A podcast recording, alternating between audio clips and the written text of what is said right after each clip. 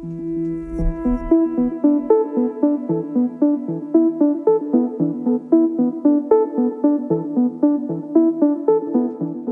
til månedskriftet. Vi stiller nu skarpt på håndteringen af kol, kronisk obstruktiv lungesygdom i almen praksis. Vi skal tale om spiometri, klassifikation og behandling af kol. Du kan tænke vores samtale her som et lynkursus eller en opdatering. For yderligere læsning udgiver vi i månedskriftet tre artikler om henholdsvis patienten med kol i almen praksis, diagnose og behandling, og om organiseringen af arbejdet med kolpatienten i klinikken. Mit navn er Christian Føds, og jeg er redaktør og speciallæge i almen medicin. Vores gæster er begge erfarne klinikere, praktiserende læge Jette Elbrønd og konsultationssygeplejerske Lisa Pjontek. Velkommen til. Tak. Mange tak. I underviser begge to i KOL for praktiserende læger og for klinikpersonalet. Ja, vi har kurser både for læger og for praksispersonale i PLO efteruddannelse. Vi begynder med at få lidt fakta på bordet. I en gennemsnitlig praksis med 1600 patienter vil ca. 120 have kol. Det er omkring 7,5 procent. Men det er ikke alle dem, der vil have en diagnose, for cirka halvdelen har ingen symptomer, og af de, der har symptomer, er det ikke alle, der går til læge. Jamen, det er fuldstændig rigtigt, Christian. Altså, du tager det på landsplan, så er der faktisk 4, måske 350-400.000, der har kol. Og, og kun halvdelen af dem har symptomer for deres kol. Og igen, kun halvdelen af dem, cirka 100.000, er i behandling for deres kol. Så, så, så det du siger, det er, at der er mange, der har diagnosen død, men, men, men der er mange, som ikke har symptomerne, og derfor ikke kommet til læge med det. Og der ved jeg egentlig, at jeres pointe er, det er, at det er vigtigt for os, at vi får opsporet den gruppe. Det er fuldstændig afgørende, for at opspore opsporet dem, og vi tager fordomsfrit imod dem, sådan så de føler sig at taget sig af. Når I er ude og undervise om kol, så fortæller I, at cirka 400.000 danskere har kol, ligesom Jette sagde før. Herunder har 200.000, altså cirka halvdelen, symptomgivende kol, men altså halvdelen er ikke diagnostiseret. Øh, og hvorfor er det her problem så stort med underdiagnostiserede kolpatienter? Det kan have noget at gøre med, at en del patienter de tøver med at komme i praksis, fordi de har skyldfølelse og skamfølelse over, at de har øh, den her sygdom. Så de, de, er, de er måske bange for, at de har den, men de er også bange for at komme med symptomerne øh, til almen praksis. Jeg tror, folk føler sig stigmatiseret med den her sygdom. Det er ikke så fint at have en øh, kold diagnose, fordi det oftest skyldes, skyldes rygning. Så, øh, så det er ikke noget, man øh, ligefrem går og reklamerer med, at man har. Jeg har haft nogle patienter, når jeg sidder med dem, så siger de, at jeg, jeg har astma. Og det vil man godt være ved, at man har astma, men man vil ikke være ved, at man har kol. Ja, men det er jo fuldstændig rigtigt, Christian. Altså, øh, og der er også mange, der siger, at jeg har bronkitis, fordi det lyder anderledes end kol. Og jeg tænker, at selvfølgelig skal vi diagnostisere korrekt, men vi skal jo ikke rive patienterne det i næsen. Altså tværtimod øh, skal vi jo bare tage hånd om det, som der er. Og det er også vigtigt at sige, at hvis patienten siger, at jeg har arbejdet med støv øh, i, mit, i, mit, i mit liv hele tiden, i mit arbejdsliv, og det er det, der har givet mig kold, så er det jo bare det. Det er jo ikke vigtigt at afgøre, om det er det ene eller det andet. Det vigtige er at, at få hjulpet dem til at stoppe med at ryge, hvis de ryger. Men ellers at tage hånd om dem, som det er.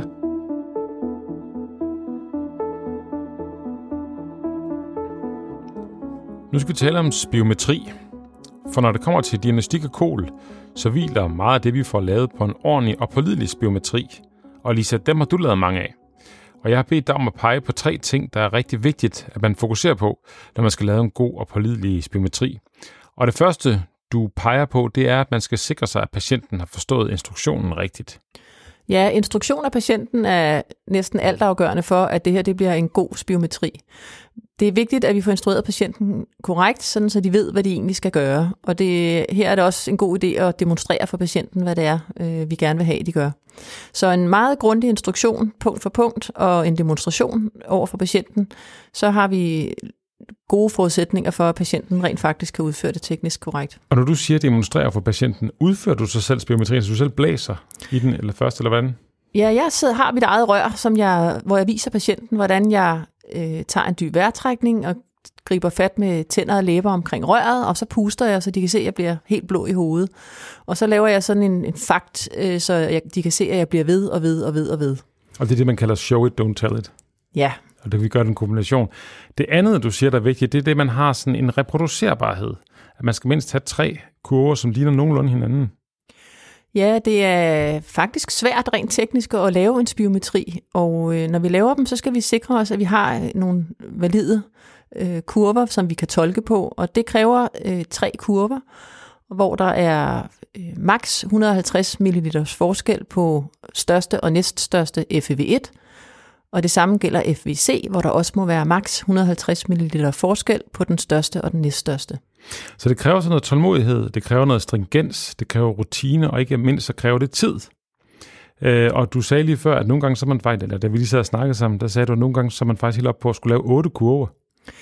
Ja, det er en fordel at sige til patienten fra start, at det kræver mindst tre kurver, og øh, da det er rent teknisk er rigtig svært, så kan vi risikere at skulle lave helt op til otte kurver. Det sidste, som er vigtigt, det er, at man skal huske, at der er nogle startkriterier og nogle slutkriterier, når man laver en spirometri. Ja, hvis patienten for eksempel hoster det første sekund, så vil man få en forhøjet FEV1, altså højere end den egentlig er. Og øh, det er også vigtigt, at patienten ikke tøver for meget i starten med at puste. Altså når de har taget en maksimal indånding, så skal de påbegynde øh, ekspirationen øh, med det samme. En kraftig ekspiration og ikke tøve. Allerede efter et sekund, så aftager elasticiteten i lungerne, og det kan påvirke resultatet. Og Jette, du er jo praktiserende læge og er meget interesseret i, i kol, men du siger, at du udfører faktisk overhovedet ikke selv spiometri. Nej, fordi det kræver noget erfaring og noget omhu øh, og, og øh, ensartet tilgang til det. Så det har jeg rigtig godt erfaren personale, som gør for mig, heldigvis for mig og patienten. Jeg fik slet ikke nævnt slutkriterierne. Det er vigtigt, at patienten får lov til at puste færdigt, altså det vil sige tømme sine lunger for luft så godt de nu kan. Og det betyder, at øh, sådan en kurve på en volumettidskurve skal rette sig ud og blive horisontal. Der må maks være 25 ml luft ud det sidste sekund. Vi skal altid lave en øh, spiometri med reversibilitetstest for at stille diagnosen kol. Og ikke mindst for at udelukke astma. For at gøre det, så starter vi med at lave en spiometri, altså med tre kurver mindst. Og så giver vi to doser beta-2-agonist og lader patienten sidde og vente lidt, og så laver vi en spiometri mere. Så kigger vi på tallene, når vi har lavet den, og det gør vi jo for at se, i hvor høj grad obstruktionen den er reversibel. Hvis ikke øh, der viser, at der er noget reversibilitet, så kan vi i nogle tilfælde vælge at lave en steroid reversibilitetstest, og det er, hvis vi har mistanke om, stadigvæk har mistanke om, at der er astma, altså i symptommæssigt og i anamnesen, så laver vi den her steroid reversibilitetstest. Så det vil så sige, at man laver reversibilitetstesten for at teste, om det, det kan være en astma. Hvis man har en mistanke om det, en ekstra stærk mistanke, øh, så kan man, efter man har prøvet at bruge beta-2-agonister, så bruger man bagefter øh, steroider. Ja, det er korrekt. Så det er kun, hvis man har mistanke, stadig har mistanke om, at der er astma. Når man har lavet en spiometri med patienten, så kigger man på, om FEV1 er nedsat. Man kigger på, om øh, FEV1-FEC-ratioen er lavere end hvad man forventer af den her patient, altså set i forhold til patientens køn, alder, højde og etnicitet. Og det er referenceværdier tabeller, man kigger på det? Ja, det er de fleste spiometre kan vise det selv, og ellers så er der referenceværdier i DSM's øh, vejledning. Der kan man se, hvad man forventer, at patienten kan puste, og så kigger man også på, hvad nedre normalgrænse er. Ja, det må du lige fortælle os om, hvad det her med nedre normalgrænse, hvad det er for et fænomen. Jamen, det har noget at gøre med, at ratioen den falder med alderen. Altså patienten vil ikke forventes at kunne have lige så høj ratio som for eksempel 80-årig, som når man er 20 år. Den falder simpelthen med alderen. Og det betyder, at øh, man skal kigge på det for ikke at overdiagnostisere de ældre og også underdiagnostisere de yngre. Mange af os har nok lært på universitetet, hvor vi har lært det hen, at hvis man skal stille diagnosen kol, så skal man have en FEV1, FVC-ratio, som er under 0,7. Det er sådan one size fits all, men det, sådan er det ikke længere. Der går man ind og kigger på alderen og, og kigger på den nedre grænse der. Jamen, det er jo som sådan ikke, fordi det er galt at bruge 0,7 som ratio. Det er sådan en pragmatisk løsning, man har haft øh, i Danmark. Men man er begyndt at skæve mere til neder normalgrænse, da det jo giver mening, da vi jo, øh, som jeg lige sagde før, øh, alle sammen får en lavere ratio med alderen. Så vil vi alt andet lige komme til at, at, at overdiagnostisere nogle ældre og underdiagnostisere nogle, nogle yngre.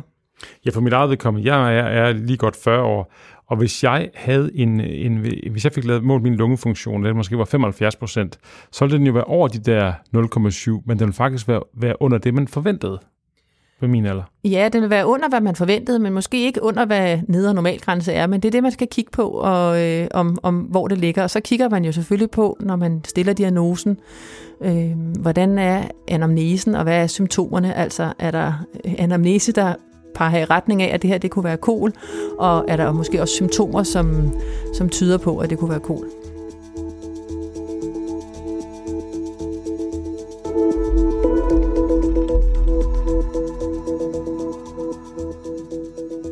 Nu skal vi tale om klassifikation af kol, altså den kliniske inddeling. Og det er typisk det, vi gør, når vi sidder med årskontrol eller andre planlagte kontroller omkring øh, kol. Det er nemlig sådan nu, at vi klassificerer kol-patienten i fire kategorier, A, B, C eller D, hvor A er den mildeste, og D er den sværeste. Så det vi gør helt overordnet set nu, det er, at vi, vi øh, kigger på antallet af patientens exacerbationer inden for det sidste år, og så den symptombyrde, som patienten bærer. Jamen det er nemlig rigtigt, Christian. Øh, hvis du kigger på patienten i, i rubrik A, så er de kendetegnet ved, at de har få exacerbationer og få symptomer, mens patienten i gruppe D har mange symptomer og mange exacerbationer eller risiko for exacerbationer. Og grupperne B og C, de, de øh, befinder sig så ind imellem. Og det er jo så sådan, som vi kommer tilbage til senere, at dem med mange ekstrapationer, de har høj risiko for forværing, øh, og dem, der har ikke har så mange, de har lavere risiko. Hvis nu vi kigger på det her med symptombyrden, øhm, så bruger man det, der hedder en, en MRC, øh, som er sådan standardiseret. Kan du prøve at fortælle, hvad det er? Ja, det er i virkeligheden jo en dyspnø-skala, og øh, den går fra 1 til 5. Og 1, i 1, der har man faktisk ikke nogen dyspnø, mens i gruppe 5, der har man jo dyspnø, bare man skal ved A og påklædning simpelthen. Og i virkeligheden er træerne måske den, der skiller mest markant, fordi den hedder, at jeg får mere åndenød end nogen på min egen alder, når jeg går op ad en bakke. Så det er den der sammenligning, som gør, hov, der er et eller andet skillelinje her. Og Lisa, du har siddet også og lavet, lavet en del af de her MRC'er. Jamen, den laver jeg hver gang, jeg har patienten til årskontrol. I nogle tilfælde, der kan det være svært at lave en MRC, øh, hvis patienten for eksempel ikke er i stand til at gå ordentligt, så er det svært at, at vurdere åndenøden. Så kan man jo bruge en CAT-score i stedet for. Den siger meget mere om, hvordan patienten egentlig har det. Ja, det er det næste, vi skal, vi skal snakke om. Det er det, der hedder en CAT-score. Vil du prøve at fortælle, hvad det er, øh, Jette? Ja, man kan sige, at den belyser nogle, nogle flere aspekter af, hvordan patienten egentlig har det. Også i forhold til et meget øh, vigtigt punkt, som, øh, som vi skal være opmærksom på hos patienterne med kol. Det er nemlig risikoen for depression blandt andet. Og det helt kort til dem, der ikke lige kender det, det er, at man har et afkrydsningsskema, hvor der er nogle udsagn, og så skal man bagefter sætte kryds ved 0-5, og så, og så øh, sætter man den score sammen til allersidst, som så får et tal ud fra. Det er korrekt. Den kan bedre belyse netop, hvor i, øh, eller hvad egentlig grunden til åndnøden er. Altså om, om der er noget hjerte, øh, nogle hjertesymptomer inde i billedet. Altså for eksempel er et af spørgsmålene, om man oplever, eller om patienten oplever trykken for brystet. Ja, det er jo helt det her, vi slet ikke snakker, vi slet ikke snakker om, om øh, komorbiditet og differentiel diagnostik, men det er rigtig, den, den er jo rigtig god, hvis man skal, hvis man skal kigge på, lidt, på en patient med lidt bredere øh, symptombillede. Ja, netop også fordi der jo typisk vil være en del komorbiditet hos, hos patienten med kol. Netop hjertemæssigt øh, og eller depressionsmæssigt, angstmæssigt. Ja, netop her ved øh, komorbiditet og navnligt øh, hjertesvigt, der kan MRC-skalaen også være svær at bruge, fordi det er svært at afgøre, om åndenøden skyldes øh, lungerne eller hjertet. Så der er katskoven rigtig god at supplere med. Så når vi skal sidde med en patient, og vi skal risikostratificere de her fire kategorier A, B, C, D, hvad er så vigtigt, at vi har med os? Det er, at vi får afklaret, om hvorvidt patienten har haft exacerbationer de sidste år, om de eventuelt har været indlagt på grund af deres kold, og så er det om, øh, hvordan deres MRC eller CAT-score den er. Og, og der kan man sagtens sende øh, det på forhånd til patienten via WebRec. I at øh, vi skældner her mellem exacerbation og pneumoni, og fortæl os lige en gang, hvordan er det, man kan kende forskel? Jamen, øh, det kan du typisk ved, øh, om patienten har feber øh, over 38, øh, om patienten har ekspektoration, som er sådan gulliggrønt, øh, og man kan også bruge CRP, hvis den ligger over 20, og endelig kan du bruge øh, leukocyt og differentialtænding for at pege på, jamen er der leukocytose og er der granulocytose. De ting, som jeg lige har peget på her, det peger mod en pneumoni og ikke en exacerbation. Modsat med en exacerbation kan man sige, der kan der være lidt forhøjet temperatur, men der behøver ikke at være det. Der er typisk ekspektoration kan der være, måske er der det ikke, og hvis det er det, kan det være let farvet, men ikke sådan over i den grønlige. Og så det der med, at der er den der hivende, pipende vejrtrækning, som vi jo godt kender, øh, i, i, når bronkierne ligesom øh, virkelig snører til hos patienten. Og det er enormt vigtigt, at vi får stillet, altså at vi får skillet mellem det her, for det har en konsekvens i forhold til, hvilken behandling vi vælger. Det har det jo netop, fordi exacerbationerne er med til at klassificere i A, B, C eller D. Og igen, klassifikationen, det er jo noget, vi bruger til noget, vi bruger det netop til at bestemme, hvilken behandling patienten skal have.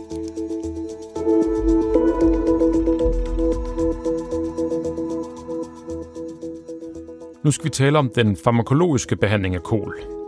Det, som vi berører her først, er det, som vi kalder behandling af kol i stabil fase. Og når vi taler om stabil fase, så taler vi om det, der ligger imellem to exacerbationer.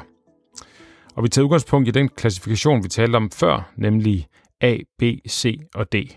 Ja, for det er jo netop det, vi bruger klassifikationen til. Det er til at, at kunne bestemme, jamen, hvordan skal den her patient med kol egentlig behandles. Og hvis du tager igen øh, patienten i øh, kategori A, hvis det er en patient, som har symptomer dagligt, så bruger vi en langtidsvirkende beta-2-agonist. En LABA øh, med, i, øh, i, i kort form. Hvis du så går ned til patienten i gruppe D, som du kan huske var en, der havde mange symptomer og mange exacerbationer, jamen så vælger vi en kombination af en LABA og en LAMA, hvor, hvor øh, LAMAen jo er er langtidsvirkende antikolinergika. Og det gør vi for at imødekomme selvfølgelig øh, dyspnøen, som er kendetegnet hos den her patient, og også prøve at forebygge. Vi har fire kategorier af medicin. Vi har øh, den korttidsvirkende beta-2-agonist, og den kan man bruge inden for alle fire kategorier, hvis der er symptomer. Så det er bare symptombehandling, så det er PN-medicin. Og så har vi også nævnt den langtidsvirkende beta-2-agonist. Vi har, vi har nævnt øh, øh, lamaen, øh, den langtidsvirkende øh, antikulinerika, og til sidst har vi jo så steroidgruppen. Og den har vi reserveret lidt, Christian, fordi det er jo noget, vi øh, har en vis omhu med, øh, hvornår vi bruger steroid eller ikke. Man bliver opmærksom på, at øh, inhalationssteroider faktisk kan få pneumonier hos nogle patienter. Og derfor bliver man meget mere restriktiv i forhold til, hvornår bruger vi steroid. Og det bruger vi kun i gruppe D, hvor der er mange exacerbationer, altså hvis de især har mange exacerbationer, øh, så bruger vi det øh, forebyggende hos de patienter. Og vi skal selvfølgelig også huske, at der er jo en stor gruppe af patienter, som både har astma og kol, og, vi, og det er helt afgørende, at er der en astma, så skal de have steroidbehandlingen. Men man kan sige, at vi har jo fået øh, lidt en, øh, en ny øh, hjælp til indikation for, hvornår bruger vi steroider, hvornår gør vi det ikke. Og der skal man være opmærksom på de eosinofile leukocytter. Og er der, er der en, et, en, øh, en stor grad af det hos patienten, og det kan man jo bare måle ved en, en leukocytter-differentialtælling, er der en stor, øh, en stor, øh, stor forekomst af det, jamen det taler stærkt for, at vi bruger øh, behandling. Og omvendt er der det slet ikke, jamen så skal vi ikke øh, begynde at påtænke øh, steroidbehandlingen. Og det er altså igen, vi taler om den gruppe D, dem der er svært syge. Øh, spørgsmålet her, skal man give inhalationssteroid, eller skal man ikke? Dilemmaet går på, at hvis det er en patient, der har mange exacerbationer, men ikke mange pneumonier, så kan det være en god ting at gøre det, for det kan dæmpe exacerbationerne. Men hvis det er en patient, som har, som har tilbøjel til at få pneumonier, så kan det faktisk forværre billedet og give flere pneumonier.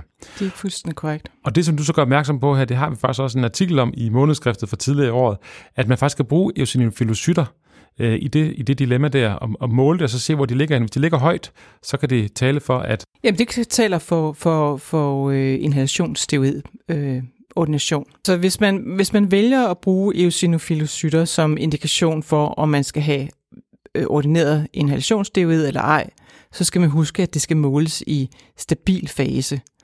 Og når vi taler om et højt, øh, højt eosinofilocyttal, så snakker vi om mere end 300 celler per mikroliter.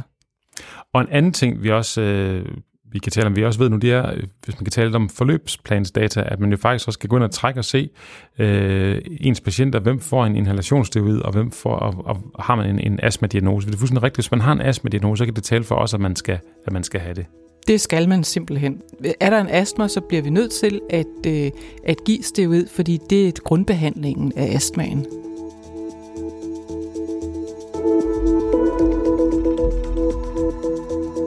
Det var en ganske kort øh, gennemgang af den farmakologiske behandling. Og Lisa Pjontek, hvis nu vi taler om den non-farmakologiske behandling, der kunne vi også tale lang tid om det. Men noget af det, som jeg gerne vil have, vi lige berører, det, for, det er for det første med, med pepfløjten. Ja, pepfløjten er et rigtig godt redskab, specielt til de patienter med kol, som har øh, meget slim. For det kan hjælpe dem med at løsne slimen. Så en pepfløjte, hvor de får en instruktion i, hvordan de bruger den, det kan hjælpe dem til at, at lette dagligdagen. Specielt de kolpatienter, som har, har stor slimproduktion, hvor det kan være generende. De kan fx bruge sådan en pepfløjte, inden de skal til en middag, eller inden de skal til et møde, eller hvad ved jeg og så få tømt slimen godt op. Det er jo meget forskelligt, hvor, mange, øh, hvor meget øh, slim de har stående, og, og dem, der dagligdag, dagligt har slim, jamen de kan bruge det i dagligdagen, og så kan man også bruge den, når der er forværing af deres kol, så er den også god at bruge. Og så udover det, så kan man også bruge den som, øh, som behandling for, når de har åndenød, til at dæmpe vejrtrækningen lidt, øh, og der kan man bruge lidt mindre modstand i pepfløjten. Men for at få kontrol over vejrtrækningen, er den også god at bruge.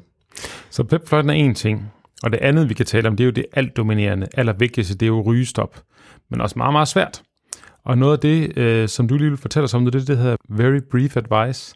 Jamen, det er en øh, nænsom og effektiv metode, vi kan bruge. Den er meget hurtig at bruge, og det gør, at vi faktisk kan tage fat på det hver gang patienten er der. Jamen, det er øh, kort øh, tre punkter, hvor vi kan spørge øh, til rygestatus, og vi kan oplyse om, at øh, rygestop øh, opnås lettere, hvis der er den rette hjælp til det, og eventuelt medicinsk behandling, og så kan vi henvise til et tilbud i kommunen, eller øh, eventuelt selv øh, bede patienten om at rette henvendelse, eller få skabt kontakten mellem patienten og rygestop-tilbuddet. Øh, og det, der er vigtigt her, det er, det er, det er jo, øh, som jeg forstår det, en, en, en veldokumenteret god metode til at skabe en forandring for patienten. Og det, og det, der er kernen i det, det er, at det er meget, meget kort, og så er det gentagende. Det er næsten ved hver møde, man møder, så, så, så, så, så bringer man det her op på den her måde, som du beskriver.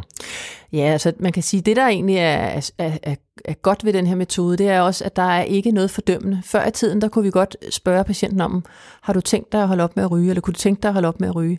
Det ved vi, at det kan de fleste patienter godt.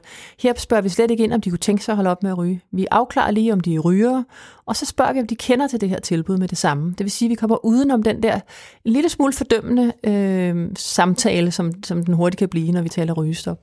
Det sidste, vi lige skal runde, det er KOL-rehabilitering. Ja, det er en meget veldokumenteret øh, måde at træne øh, patienterne med kol på. Det er et program, som typisk løber over 8-12 uger, og det består af fysisk, fysisk træning, både konditionstræning og styrketræning. Så er det typisk også øh, rygestop, der kan blive talt om på kurset.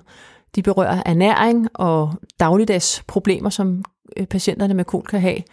Og så øh, får de noget viden om sygdommen, og ofte skaber det også rigtig gode sociale relationer, og nogle af patienterne de fortsætter faktisk med at ses efter de her kurser. En af de artikler, I har skrevet til månedskrift i den her øh, omgang, det handler om organisering i praksis af hvad kan man sige, arbejdet omkring koldpatienten. Lisa Pjontek, du er konstitutionssygeplejerske, og øh, når du sidder sådan for eksempel i en årskontrol, så starter du med at åbne dit laboratoriekort. Ja, jeg starter med at lave en spiometri, og der går værdierne automatisk ind i laboratoriekortet i vores system. Og så åbner jeg laboratoriekortet og indfører forskellige data, som jeg skal bruge senere i forløbsplanen. Og det er for eksempel øh, MRC eller CAT-score, og det er antal exacerbationer, og det kan være øh, fysisk aktivitet, og øh, det kan være øh, højde og vægt, jeg også indfører der, og øh, inhalationsteknik og sådan nogle ting. Så når jeg har gjort det, så øh, lukker jeg laboratoriekortet ned, og så åbner jeg en forløbsplan, efter jeg lige har sikret mig, at FMK er opdateret. I forløbsplanen, der er der fire punkter. Første, det er sådan en overblik, hvor man kan se alle de værdier, jeg netop har indtastet i laboratoriekortet, og der finder systemet selv ud af, hvad, om patienten så er en A, B, C eller D, altså ud fra MRC eller CAT-score og antallet af exacerbationer, eventuelt også indlæggelse. Det er overblikket, og så det næste punkt, der er på planen, det er egenomsorg, og det er her, hvor at jeg taler med patienten om, hvad der egentlig er vigtigt for patienten at gå ind i. Og øh, det kan være, at patienten øh, har, nogle andre ønsker til, hvad der er vigtigt i forhold til, hvad jeg måske som sundhedsfaglig person øh, ved, der er, er vigtigt for øh, at bremse sygdom, for eksempel det kunne være rygestop. Det er ikke sikkert, at patienten er motiveret for det. Men ved at tage udgangspunkt i patientens eget mål, så er der også bedre chance for, at øh, patienten øh, kan lykkes med det. Det næste punkt, der så er på, øh, på øh, forløbsplanen, det er, øh, hvordan forløbet skal det hedder forløb, og det er, hvordan skal, vi, hvordan skal patienten stratificeres, altså hvornår skal patienten ses igen, og øh, vi skal huske influenza-vaccination og pneumokokvaccination, og det sidste punkt er en, øh, en øh, medicinoversigt, hvor kold medicinen den står øverst, og så patientens øvrige medicin står nederst. Efter forløbsplanen, så øh, åbner jeg journalsystemet og laver en kort frase. Jeg har skåret kraftigt ned på min frase, siden øh, forløbsplanen er blevet indført, fordi det meste står i forløbsplanen. Så frasen er i virkeligheden meget kort, og bare lige giver et kort overblik over, så man kan se i selve journalen, at patienten har altså været der den dag, og, og jeg noterer øh, blandt andet, hvad er der sket siden sidst. Altså, øh, har der været indlæggelser, eller er der kommet nye sygdomme til, eller hvad må der, måtte der være? Og så, øh, og så skriver jeg faktisk patientens øh, mål ind her også fra forløbsplanen, altså patientens eget mål, så vi kan tale ud fra det, og så andre, der kigger på patienten, ikke skal åbne forløbsplanen for at se målet. Og så fremtidig plan også omkring, der kan være, at patienten skal henvises til rehabilitering, eller til et røntgen af thorax, hvis det er tid til det, eller henvises til en dexascanning, og der kan være forskellige ting der. Det, øh, det står jo ikke i forløbsplanen, så hvis man skal have det med, så, så bliver det i frasen i stedet for. Øh, det er jo sådan, at øh, man kan jo sagtens som, som, øh, som konstitutionssygeplejerske varetage de her øh, årskontroller. Men Jette, hvornår er det, at øh, typisk at lægen gør det selv?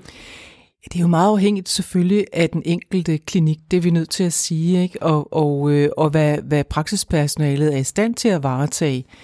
Øhm, men der kan jo dels være kan man sige, lidt mere komplicerede kolforløb, og der kan være der, hvor der er mange komorbiditeter inde i billedet, så vil det typisk i, i den klinik, jeg er i, være lægen, der varetager det.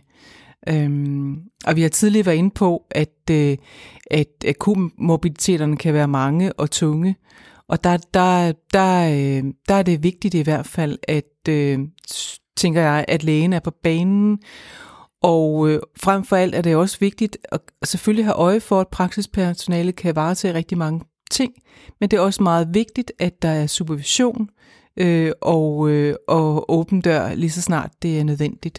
Jamen, jeg, jeg sidder og tænker, at det, der er altafgørende i den her, specielt i den her gruppe af patienter, det er, at, øh, at vi er et godt team i praksis, så patienten oplever et sammenhængende forløb. Og det gælder både i klinikken, at de oplever, at vi ved, hvad hinanden gør og hvad planen er, men også udadtil, altså med vores samarbejdspartner, som kan være i hospitalsregi eller ude i kommunen ved kold rehabilitering eller i hjemmeplejen.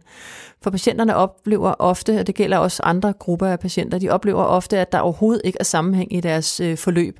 Og det, øh, det kan det her teamarbejde være med til at gøre, at, at der bliver et, et øh, godt samarbejde, øh, eller et godt, en, et godt forløb for patienten.